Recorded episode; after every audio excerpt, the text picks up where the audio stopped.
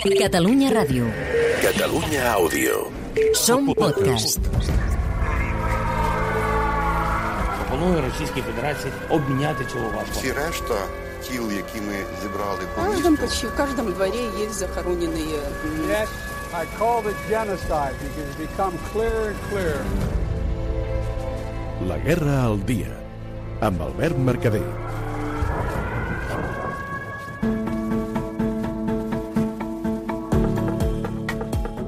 Hola a tothom. És divendres 29 d'abril i us parlo des de Kiev, la capital d'Ucraïna, que torna a intentar refer-se després de l'atac d'aquest dijous.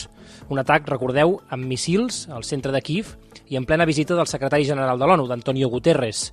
Avui, aquí, evidentment, encara és notícia. Escolteu com ho reivindica el portaveu del Ministeri de Defensa rus, Igor Konashenkov.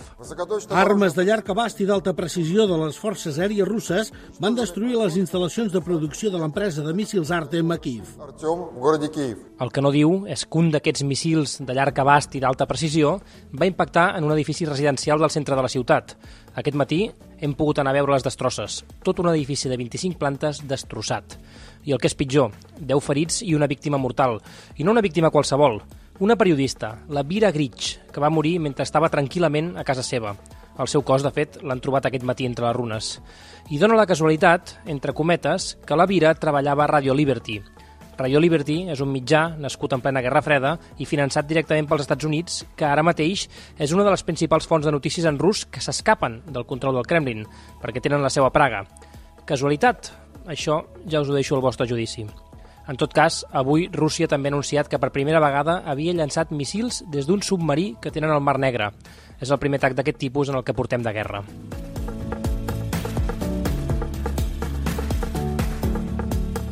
I fora de Kiev, avui ens hem de centrar en tres punts d'interès, tots ells a la zona est del país. Kharkiv, al nord, la zona del Donbass, al centre, i Mariupol, al sud.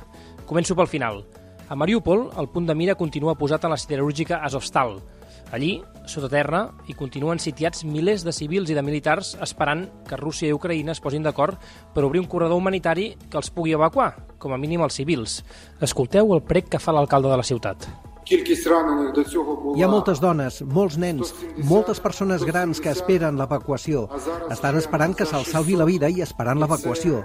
Esperem que les negociacions que encara estan en marxa continuï i que se salvin vides, que es produeixi aquesta evacuació de la ciutat de Mariupol. Avui, des d'Ucraïna, han anunciat que posarien en marxa aquesta operació amb la col·laboració de l'ONU, però de moment no se'n sap res més. El segon punt important, com us deia, és el Donbass. Aquí és on ara mateix hi ha els combats més durs. L'exèrcit rus continua guanyant posicions, avançant sobretot des d'Izum cap al sud i des de Kramatorsk també cap al sud, però l'avanç és molt lent i aquí tothom coincideix en que les properes setmanes seran molt dures en aquesta zona. I finalment, el tercer punt important és Kharkiv, al nord. Allí els combats també continuen, l'exèrcit ucraïnès controla la ciutat, però els russos ja dominen pràcticament tot el voltant, hi ha combats als afores i bombardegen la ciutat contínuament. De fet, un contacte que tenim a la ciutat ens explica que només durant el dia d'avui han caigut 16 missils al centre de la ciutat. Una realitat que, sens dubte, cal explicar, així que si tot va bé, el proper podcast el farem des d'allí, des de Kharkiv, la segona ciutat més gran d'Ucraïna, ara sota setge de l'exèrcit rus.